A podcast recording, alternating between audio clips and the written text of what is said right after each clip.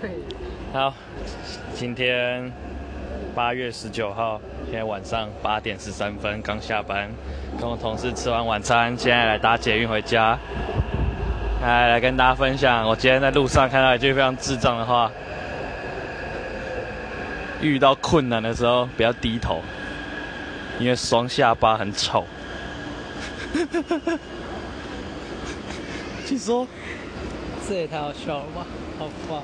好，这个励志的话推荐给大家。Platform Two for 回笼。哎，你还没结束啊？对啊，好了，那我要回家了，啵啵。